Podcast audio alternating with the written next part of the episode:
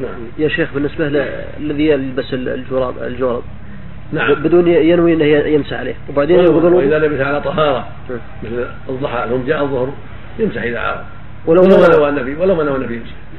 إذا لبس على طهارة وجاء الظهر يحب أن يمسح يمسح. وإن أحب أن يخلع